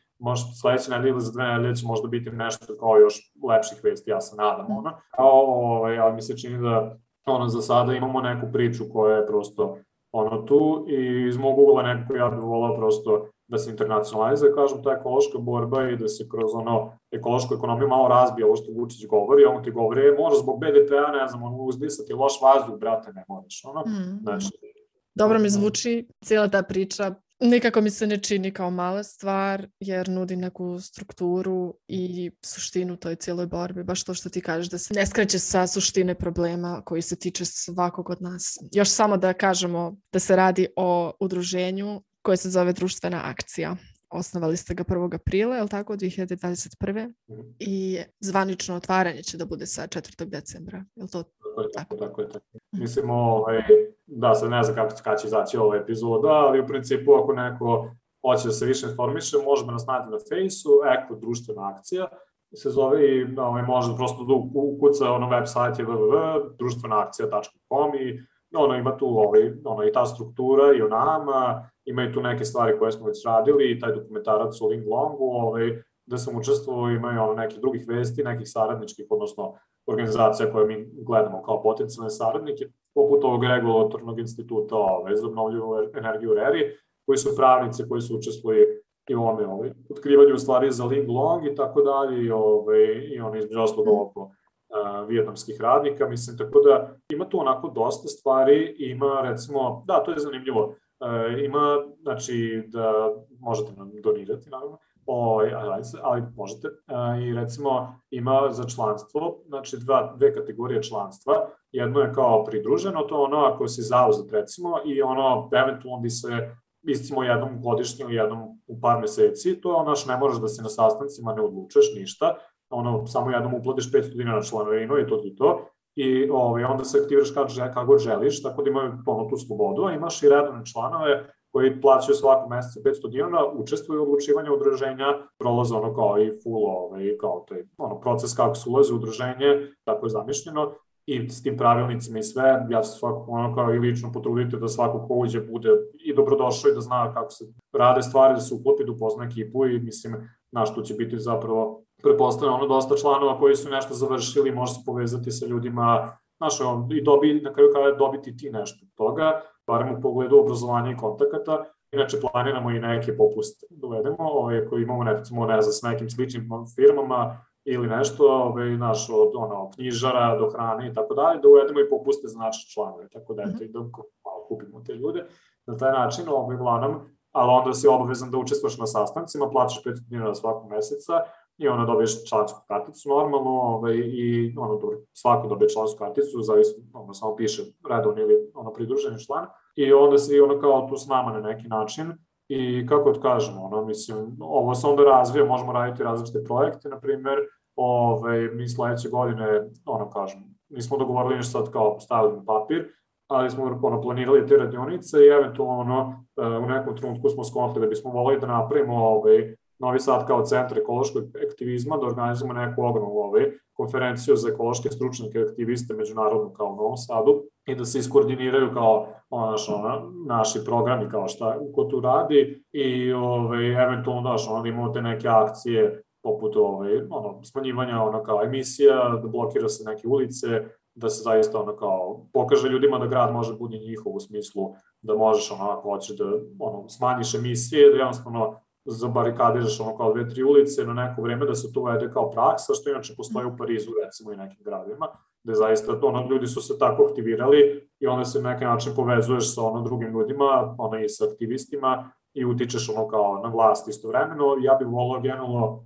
ako bismo u nekom ono kao dugoročnom pogledu ono radili na, demokratiz na demokratizaciji društvenih pokreta i demokratizaciji vlasti, zato što ja mislim da bez toga ono prosto ne može dalje. Znači, ovaj model kako mi sad imamo heroje iz opozicije, izbori, a onda Vučić prodaje državu Rio Tinto da bi opstano vlasti, bukvalno sve te stvari, sve te dinamike, cela stvar ono, služi tome kao posledicu da ima za to trovanje Srbije i ono uništavanje mm. mogućnosti ljudi ono kao stanovništva da se aktivira i da tu živi bukvalno. Tako da na tom nivou ja mislim da je dosta nas ono kao tu učestvovalo baš da bi se to ovaj, predupredilo, a ovaj, ostatak, eto, ćemo vidjeti kad se ono otvorimo, ja isto ne želim da ovo bude kao je sad, kao mi da predstavimo ljudima rešenje za svet, nego ne, ovo, ovo treba bude poziv na saradnju, da što više ljudi uđe ovde, onda, znaš, kao što bi se odlučivalo o vama bez vas. Mislim, da. ako imaš ono, naš, u Novom Sadu organizaciju neku koja ti to nudi, brati, izvoli slobodno i ono kao, znači, jer druge organizacije, neke nisu NGO-ovi, znači nemaju to moć da traže analize i da napravi strukturu,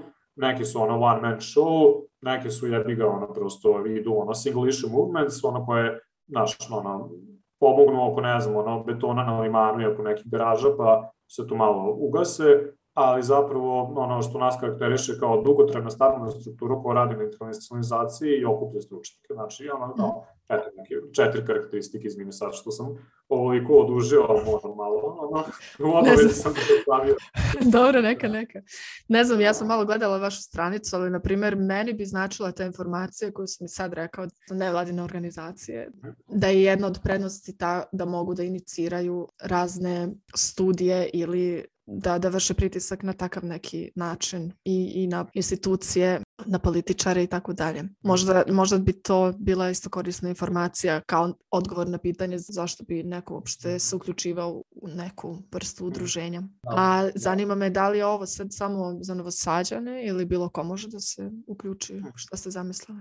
Ba, znaš kako, mi smo pričali to da može recimo neko iz druge države, ja bih volao, ovaj, prosto možda kao pridruženi člani i tako dalje, Ove, mi smo na sada aktivni na teritoriji Srbije prosto po statutu, znači kao ta, tako nam stoji ono na papiru. Dakle, ne samo Novi Sad. Da. U Da, da, ali, ali ono mhm. što mi želimo kao faktički je da se aktiviramo barem za ono cijelu Vojvodinu, znači Novi Sad primarno, kroz tu inicijativu ovaj, za Novi Sad, znači zajednička akcija Novi Sad, to je nama Inače, modus rada, mi imamo te inicijative, to smo tako smo odlučili. Znači, ovo je samo prva inicijativa, bit će ih još, recimo, za Novi Sad je tu specifično zbog Novog Sada na vodi, ali ne samo zbog toga, znači generalno urbanističke promene u Novom Sadu, ali recimo u budućnosti ćemo sigurno imati neke druge inicijative, a ja nas gledam kao neku vrstu kao Vojvo, isti vojvođanske organizacije, ali eto mi imamo recimo jednog ključnog člana kao pravnicu ekološku u Beogradu, tako da nije čak uopšte u tom smislu znaš, on imaš neku, ono, preciju neku teritoriju i pa kao tu delujete. Mm -hmm. Mislim, jer, evo, recimo za Ling Long, on je tu, on kad se sagradi, neće, neće njegove emisije samo osetiti Novi Sad, da se ne lažemo, već cijela Srbija. E, u tom smislu onda naravno mi delamo na području Vojvodine, zato što je Linglong na području Vojvodine i ono delamo da se kao te emisije naš ili regulišu ili spreče ili da se otkrije barem kao šta je problem, pa da se ono kao udara na to dok se ne reši barem donekle nešto ali to ne znači da niko drugi ko ne živi, nije registrovan na Sadu, ne može da učestvuje naprotiv, što više stručnjaka se ovde angažuje, to bolje, to će pokret biti efektivniji, zato što će moći da ono što inače problem cijele Srbije reši na teritoriji Vojvodine, tamo gde je on uzrokovan. Tako da mi ne lečimo posledice, već uzroke i to je ono što naš kao nas spaja sa drugim i stručnjacima i ono iz oblasti ekologije, prava i tako dalje, a pola instituta, pola osnovno recimo taj RER institut, ovaj, a, smo pozvali na saradnju, imamo kontakte već neke s njima, ja sam isto u kontaktu sa 11 i nekim inicijativama drugim, mislim, ono, znam i znaju miliona ljudi na levici i prosto kogod ima neku vrstu kao stručnog ili eventualno aktivističkog znanja. Mislim, Naš, nismo stranci, prosto kao tu smo i ovaj, imaju otvorni poziv na saradnju, naš, e, dokle god naravno se poštuju principi ono kao demokratskog odlučivanja i ono, naš, da nisu političari. Znači, to je inače nešto što smo svi mi ove, ovaj, alergični, znači ne, nećemo primati članove koji su u političkim strankama. To je mhm. jedine uslov. Znači, niko od nas ne želi da bude... Da li je to jasno um, na vašoj stranici kad pozivate ljude da se pridruže? E, ovaj, I kako, je, kako, ste, da. kako ste to iskomunicirali? Koga primate u udruženje? Da, pa ovako, znači, e, oko toga smo se baš e, dogovarali. Ja sam recimo bio za to da se ovaj, prosto, da kažem, bili predloga recimo s moje strane da se to baš stavi u statut, ali ono, e, rečeno mi je da mi svakako odlučujemo kao, kao ko može ući. Misliš od slučaja do slučaja, od prijave do da, prijave? Da, da, da, da. Mislim, znaš kako, ja nisam znao kako funkcionišu ti ove statuti, ali u principu u NGO-ima ti imaš ono kao pravo odlučivanja koga želiš ili ne želiš da primeš, sa tim što ona ne možeš obrazlagati to naravno. Znači u smislu da ne možeš obrazlagati ako neko prosto ono zbog političke partije, ali mislim kako kažem, ono, ja bih svakako to rekao i planiram to da kažem na otvaranju. Znači jednostavno, sve to cool ako je neko član političke partije, ali ono, mislim da smo mi načelno ono, tog stava kao kolektiv da ne želimo da se kompromitujemo i da ne želimo da ono, na taj način sarađujemo sa političkim strankama. Mislim, znaš, kao, ja mogu lično reći da, ono, ne znam, kao, da znam ljude koji su u strankama, ja nemam ništa protiv njih, želim sve najbolje, neću podmetati noge, ok, ako postoji neka vrsta saradnje između mene kao nekog ko se bavi kineskim investicijama i nekog stručnjaka koja to isto zanima, to je sve cool, ali mislim ta osoba koja je član stranke ne mora biti član naše organizacije. Može recimo ono kao uspostaviti neku spoljnu saradnju, mislim, znaš, to isto, ali naš, prosto u smislu članstva organizacije ne. Znači onda idi u političku partiju ako to želiš da radiš, mi smo organizacija za nešto drugo, mi se bavimo konkretno ono, naš, kao ekološkim problemima i socijalnim problemima na stručan način i to nas inače karakteriše, mi rešavamo ekološke probleme kroz socijalne probleme. Znači, mi ne verujemo da je recimo pitala sam isto za ekostražu, onda kad smo pričali ovako, ma ne, ja, ja njih podržavam u smislu kao super Aha. što postoje, što šeruju te informacije mm. i to mi je super i, i želim da ono kao prosto nastavlju tome zato što kao niko drugi to ne radi, ove, mislim radit ćemo mi uskoro 4. decembra, mm -hmm.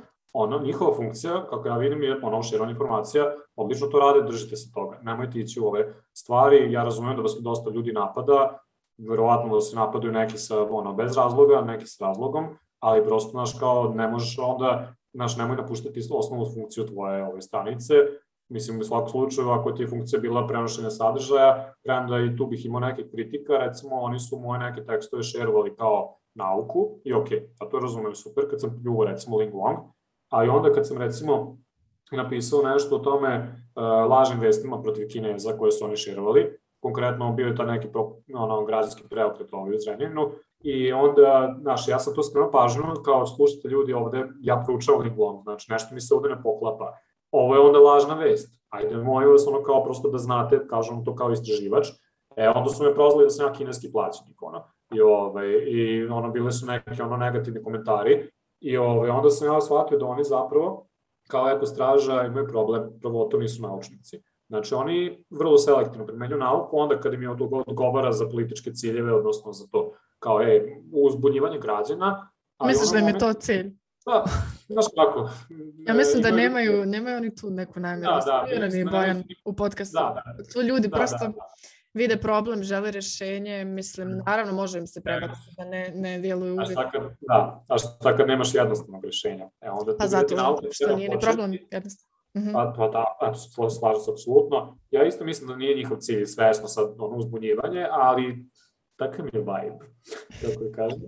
I ove, ovaj, mislim, znaš kao, ne, ja ništa protiv njih kažem, ove, ovaj, ali Da, ali ono što se meni čini, izvini što te prekidam, da, da, da, da. jeste da sa jedne strane ti si u nekim naučnim krugovima i naravno meni je blizak sad ovaj vaš pristup i, i sviđa mi se sve to, ali ljudi u ekostraži i u sličnim pokretima, kažem, nastali su iz, iz nekog osjećaja.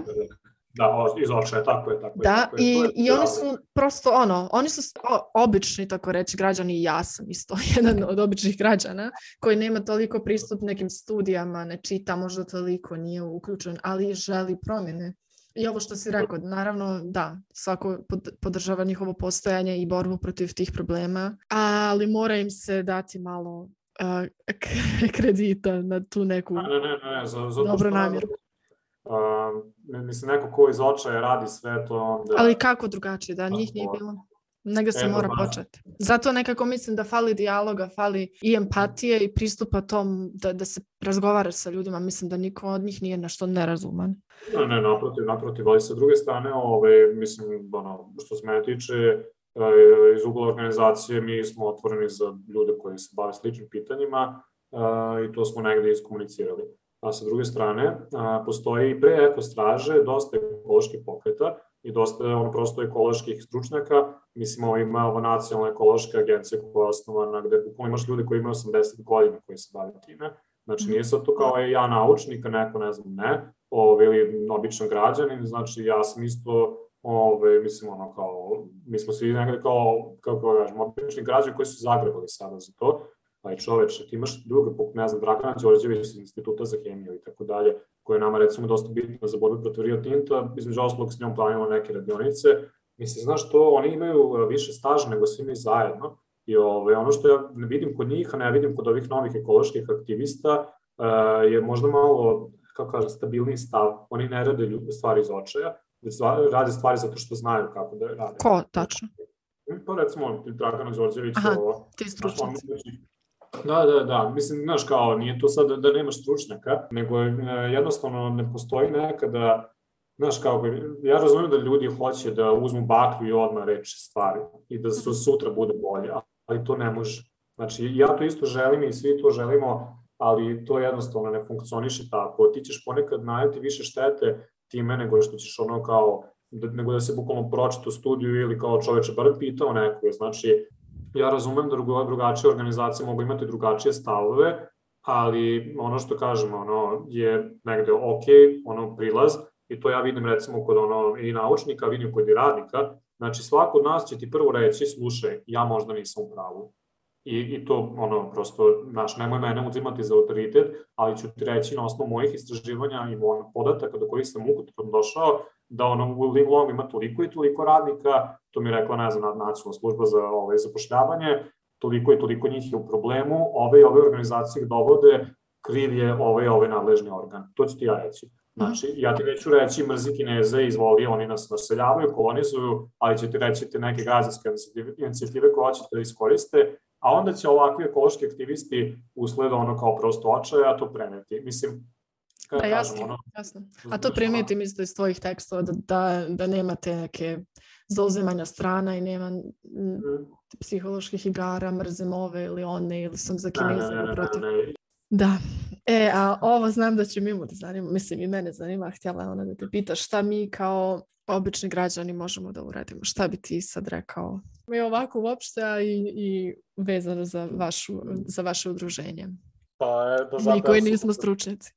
da, pa sad si mi dala šlagvort, pa zapravo možete se učleniti u druženje. Ćao. to je to. Ovo, ovaj, ja, Vidiš da ne primate svakoga. da, da, da, to nisam teo da ispadne sve tako. Ja sam naglašavao ovo mm -hmm. sa tim stručnim aktivističkim miksom, zato što je zapravo miks, ono. Ali to ne znači kao da sad idemo i proveramo kao, aha, nisi masterirala. Kojom ocenom? da, da, da. Ma ne, mislim kao, ja inače isto ja ne identifikujem se sa naukom kao ok, da, ono, mislim, tu sam radio u tome, ali, znaš, ono, prosto, nemam po, ne, nemam tu potrebu da se identifikujem sa tim oko kao lično. Razlog što volim to da naglašam ponekad je prosto zato što među aktivistima ima, neka vrsta mislim, kako je kažem, ono, ovaj, moje i kolege i ne znam ja šta, možda sam i tome sam doprineo, ali zapravo ima neka aura kao da smo mi neki nepogrešivi heroji, a to zapravo ja mislim da mi sami sebe treba, treba da kritikujemo zbog toga.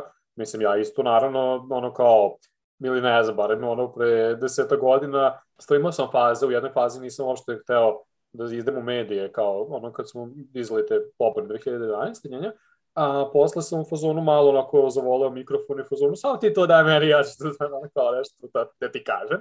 Ali uh, mislim da tu treba da se samo kritikujemo. Dok, dokle god je to simpatično, cool, ali dok ti ne postane ono patološka potreba da ti znaš, ono, glumiš heroja, a da ne znaš ništa i onda kao prosto, da, opet sam krenula lično istoriju. A ja krenula pod pitanje na tvoju digresiju. Ja bih ga, ja bih ga, sorry, sorry. Ajde, ovaj, Pa ne, mislim, Uh, da, zapravo se mogu učlaniti kod nas, bez obzira šta god ko radio. Pora je da nekako zajedno radimo i ovaj, mislim, to sam teo i opet da kažem i generalno, možda za podcast, gdje nekako, znaš, on fazonu, ako neko želi nešto da radi na ove teme, brate, nek me slobodno kontaktira.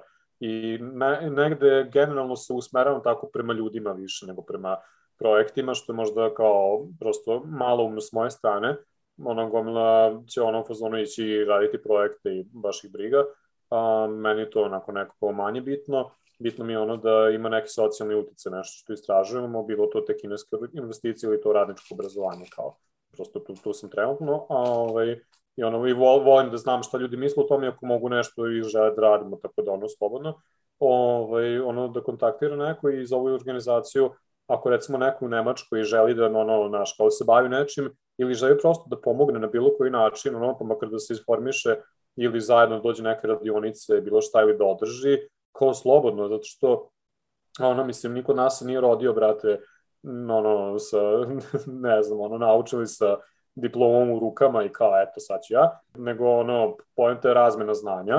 Uh, i mene bi jako, recimo, zanimalo šta neko ko se bavi, recimo, ekološkom ekonomijom ili se bavi, ne znam, upravljanjem, ono, kao vodama u Nemačkoj, šta ima neke, ono, kao da kaže, kao neku vrstu, ono, ili bilo gde drugde, kao, ono, saveta i da ovde, ovo, vidimo da možemo da povežemo neke, ono, kao prosto, ne znam, ljudi sa sličnim interesovanjima ili aktivisti šta god, pa možda, naš, nastane neki, neki zajednički ovaj, rad. Tako da, tu ono smo skroz otvoreni i tu, tu mislim da bi čak mogu govoriti u smislu ovaj, iz ugla inicijative, prosto takav je stav.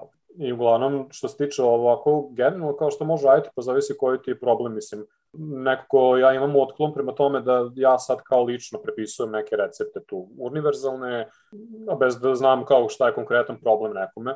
Znaš, neko može imati konkretan problem što mu se pokvario privatan avion, a da, mislim, mm. to očigledno je problem svih nas, ali ako me pitaš kao politički, naravno da bi to bilo super kao imate neku radničku partiju i ono, ono da se ljudi samorganizuju pa da ono kroz to se kao zapravo kanališe i ono prosto, kada kažem radnička partija zvuči kao floskula, zapravo nije. Većina naših partija su, kao što znaš, ono, moćnici koji imaju puno para i koji definitivno ne pripadaju toj niže klasi.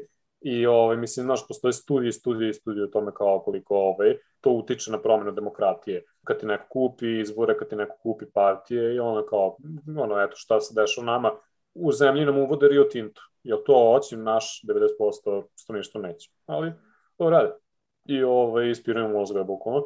Tako da bez neke partije koja ti, ili organizacije, barem ono, koja ti to sve povezuje i predstavlja niže klase, ono, teško to može bilo šta raditi, osim ono neke nevladine organizacije i da se samo organizuješ u kranima ako imaš neki, neki problem, na primjer kao što je bio problem sa metrom u Beogradu, organizuješ lepu inicijativu oko toga, to nije puno, ono, okupiš par ljudi koje ove, želi da se promeni nešto, ono, konsultuješ naravno te pravne regulative i idete u neku vrstu akcije, mislim, ono kao, pa ako hoćete to da širite, onda se povezujete sa drugim pokretnim problemima. Neko sam, barem ja tako išao i, ovaj, i usput kao gledao da čitam, ono, čituckam nešto barem oko toga, kao što mi je problem i negde ćemo to i kroz ovu organizaciju raditi, tako da kažem, mislim, mi smo u principu dosta otvoreni, znači nije to samo neka naučna priča, naprotiv, to je samo lep dodatak, dodatak ono, ali dodatak. Uh, tako da ne znam, možda bi samo za kraj rekao da treba ljudi se osjećaju opušteno sa time i da mogu da kontaktiraju i meni i ovaj, članove organizacije. Nemam pojma, mislim, kao nekog slučaju možeš i ti, ono, kao, ako budeš imala bilo šta, ono, da misliš da možemo sarađivati slobodno, znači, mm. vidim da se čitala i sajt i sve to i mislim, ako budeš imala, kažem, bilo kakvih, mislim, ono, možemo i onaj podcast, na primjer, ono, kao, uraditi sa nekim ono aktivistima ili ako imaš ti nekog iskustva u tome pa voliš da prenosiš poruku od nekog neke ono socijalne borbe i da smo to uvek značajno, mislim, jer mislim da kod nas je problem često što nije da ne postoje ove, žarišta socijalna i problemi, nego zato što se te priče nekako ne povezuju dovoljno i meni jako zanimljivo, kažem, ako recimo se ista stvar dešava sa privatizacijama vod, ono, izvora vode u Sloveniji i Srbiji, recimo nama bi mnoštacu bilo super, na primjer, da se uspostavi neka vrsta saradnje, dosta nas gleda na Sloveniju kao ovaj, neku vrstu uzora. Recimo, ja u Nemačkoj obožavam ono kao kako su društveni pokreti strukturirani jer meni recimo tu sam osetio i neku jako, jako vrstu ono kao disciplinovane demokratije, gde se baš gleda da ne budeš ti iznad nekoga, ono i to mislim da bi mi recimo u Srbiji mogli ono kao da naučimo, ili recimo ova borba protiv Rio Tinta zapravo ono, litijom koji će ići u Nemačka ono kao električna kola, tu treba neko u Nemačkoj da zna šta se dešava, kako se dešava mm. tu u Srbiji, jer se mi zaista, ono ko što se rekla, žrtvujemo za to. Tako da sve te stvari su potencijalne teme negde, nemam pojma, naš, možda čak namerno ne bi ono kao sad tu išao i rekao kao je, to i to radite. Ono, mm. Mislim, eto, ima ova organizacija, on, slobodno ljudi mogu da napišu, mislim, znaš, kao, ali ono, bitno je da ima kao neki konkretan problem, ono, i ovaj, da se konkretno angažuje na njemu. A ako neko ono baš želi da bude građanski aktivist u smislu samo da pomogne nečemu, to verujem da sigurno ima gomila inicijativa, znaš, kao gde god ona koja bi ono koristile pomoć. Tako da, ali u svog slučaju ono mislim da je cool da ostajemo na vezi. Da, da, definitivno. Da. Definitivno. Naravno, meni znači isto to što mi se čini da je malo ozbiljnija priča. Podržavam sve ove druge ekološke organizacije koje mi se čine da rade nešto iz neke iskrene namjere, ali mi fali konkretno neki put kako bih ja mogla da, da pomognem. Palo mi je na pamet da pišem nekim odbornicima ovde koji su ili u zelenoj partiji ili ne znam da li bi to bio neki pravi put, možda da probam mogu bar na njemačkom da im se obratim da vi, pošto da, vidim da, da, da. o Rio Tinto je pisano, ali ne toliko. Nedavno sam neki članak u Guardianu pronašla, a u njemačkim novinama nije baš toliko prisutan. Ali, na primjer, evo sad o ovom novom zakonu i o protestima nema ni na jednom portalu. Jeste da je svježe, ajde, tako je juče bilo, ali je od ogromne važnosti. Vidjet ćemo. Ja vam želim sve najbolje. Znam kakav je bar život u NGO sektoru. S tim imam iskustva. Stvarno uvijek kažem da sam tu upoznala i najbolje ljude i najveće frikove. Ali... ček, činim... ček da vidiš nauke, kak ne. pa to, to. da, vjeruj mi ti. A i ovo što znam, što si sad ispričao. Mm. A je cijeli put da je bio šarolik, u, onako najblaže rečeno. Da, da, ko da. neka ono kao sliči sa s onim impresionističkim, a malo ovo, malo ovo ćemo. Da, da, valjda mora tako, ne znam. Zebacija. A ove, što se tiče ovih kao odbornika i to, mislim, možeš, to možemo čak i zajedno, i ja, evo recimo, jedna od osoba koja nas je podržala je moja dobra prijateljica u evropskim zelenima, znaš, i ona mhm. možda na neku vrstu puta koja bi mogao da bude lakši, da te poveže, recimo, a sa mhm. druge strane, mislim, ovo za, isto za nemačke medije, za Rio Tinto i Srbiju, ja isto podržavam, to isto možemo nešto zajedno raditi, na primjer, ono dal neki tekst, e, da se ono prosto čuje. Jer to je to, je to kod ovih kompanija, znači toliko cenzure ima i ono neko ko će biti čovek koji će kupovati tu bateriju, 99% neće znati gde se proizvodi. Mislim, što je najgore, ova firma Rio Tinto, to bi isto moglo za Nemačku da bude zanimljivo, ona je ovaj, pre svega, i znaš da je izazvala rat u Papu i Novoj Gvineji, mm. građanski rat, ali isto tako obskrbljivala e, sirovinama Franku u Španiju, fašističku Španiju i nacističku Nemačku, mm -hmm. među ostalo. Tako da okay. je to potencijalno zanimljiva poveznica sa Nemačkom, a mm -hmm. ovo što se sad radi na terenu, misli, to je, ovo su ono možda priče sa terena koje ono, su manje ili više proverene, ali eto, mislim, kao, imaš i to da ljudi bukvalno šalju inkognito, geologe, ono bez ikakvih obeležja, da on vrše premeravanja, pa onda odjednom naš raste hektara, broj hektara zemlje, kupuju se kuće, onda taj zakon ekspropriacija, sa druge strane imali smo čak uh, i ljudi koji su se otrovali od radioaktivnog znače, zračenja kada su iz bunara, da, da, popili bunar koji ima ovaj, teške metale, mislim, koji su od nekih, ovaj, između oslog od tih ono, hemikalija kada su zaista vršili ispitivanja, ostalo pa je bi ga ozračilo neke ljude. Mm. Mislim, tako da to, to je meni ono suludo da, da se dešava to u Srbiji i mm. o tome bi zaista trebalo pisati, ili način na koji se ova kompanija kao ostalo Ling Long ponašanju je ona, mislim, blaga katastrofa. To bi da. definitivno trebalo promeniti barem ponašanje te kompanije kroz neku vrstu javnog pritiska. Da, da, da. da. Bez toga ništa i bez, bez pravih informacija. Ali dobro, to kad se sjedne da strukturirano nešto napišemo, onda ćemo... Može, može, može. Može. Pozitivan ishod ovog trosatnog razgovora. Da, da, da, da. Da. E, sad me zanima, pošto ja tebe znam kao radoholičara, jel ti gubiš vrijeme nekad? Užas, ja se, znaš kako, ja imam neku tendenciju, onako kao privatno ka stabilnosti, zato što znam da sam okružen haosom i onda imamo kao ono, kako kažemo, ono, uh, potrebu za distancom da bi razmislili koji, koji kurac se dešava oko mene i nekako volim kada, kada tu uspem u tome, a često ne uspem.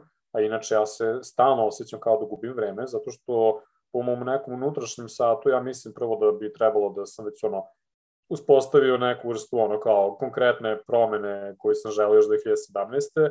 A sa druge strane, ovaj, ono, prosto mis, mislim da je ono, kažem da bi sad žrtvovao posao čak i, ono, naš, čak i posao ako treba, ovaj, zbog ono društvenih promena, a s druge strane u naučnom smislu ono imam prosto pritisak ovaj, dosta ekstremnih faktora, na, mislim između ostalog i ovih i korona.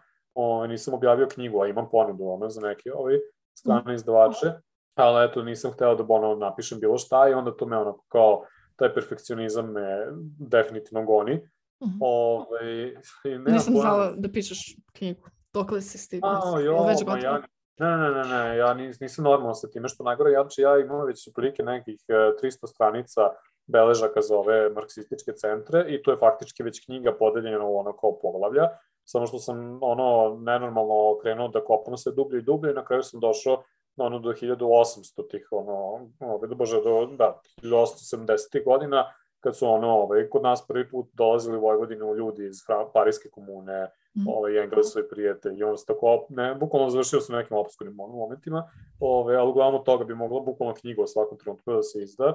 Um, I ono što sam, kao što bi želeo da radim je da vidim, ono da pišem malo, sad pišem neki taj rad kao ovaj, Ling Longu i opet da vidim kako ta tranzicija ka zelenim ekonomijama zapravo ima tu ono dublju i malo mračniju prirodu, tako što kroz outsourcing zagađenja dovodi i do pojave prinudnog rada. Ovo što se nama desilo sa Vjetnamcima bio ono kao ovaj, -hmm. primer toga, ali generalno me zanima recimo prinudni rad, pa sam mislio to tako da spojim, ili vidim da kroz outsourcovanje zagađenja se zapravo to dešava i mislim da će na to obeležiti narednih 20-30 godina, ono, kao generalno ono, ekonomskih odnosa, to izmeštanje proizvodnje, izmeštanje zagađenja i ti litijumski ratovi i tako dalje, to, to, tako mi to deluje ovaj, pogotovo što smo podelili opet na dva bloka Amerika i Kina, ono. I ne znam, za ovo, izvini sad kao opet, uh, kako? kako Slobodno. znači ne gubiš ga ovo iz ovoga što ja čujem. Ništa, sale. U razgovoru, ono, mislim, nisam očekivao ovako, ali eto, nadam se da je bilo relativno zanimljivo, mislim, meni je bilo cool što ne znam kad me ovako neko ispitao sa svih strana. Da, meni se to sviđa u ovom formatu, zato što stvarno, ono, mislim, imamo vremena koliko gost ima vremena i volje da priča, a mi pitanja uvijek imamo. Da, da, da. da. I izuzetno mi je bilo interesantno. Hm? E, hvala puno, mislim, a meni neko, znaš, ono, da pitaš nešto stručno i onda kao pitaš kao je kako ono, gubiš vreme. Ovo je beskrajni podcast. Ne, hvala, ti, hvala ti što si izvojio vremena u nedelju popodne. Ajde, ovaj, čujemo se, pa, i ako bude prilike nešto pišemo zajedno ili nešto ono, radimo, a e, ako bude live sa Facebook stranice, društvene akcije, šipite. Važe, važe, pratim vas ja, pa tu smo na vezi u svakom slučaju. Hvala, pa slučamo onda.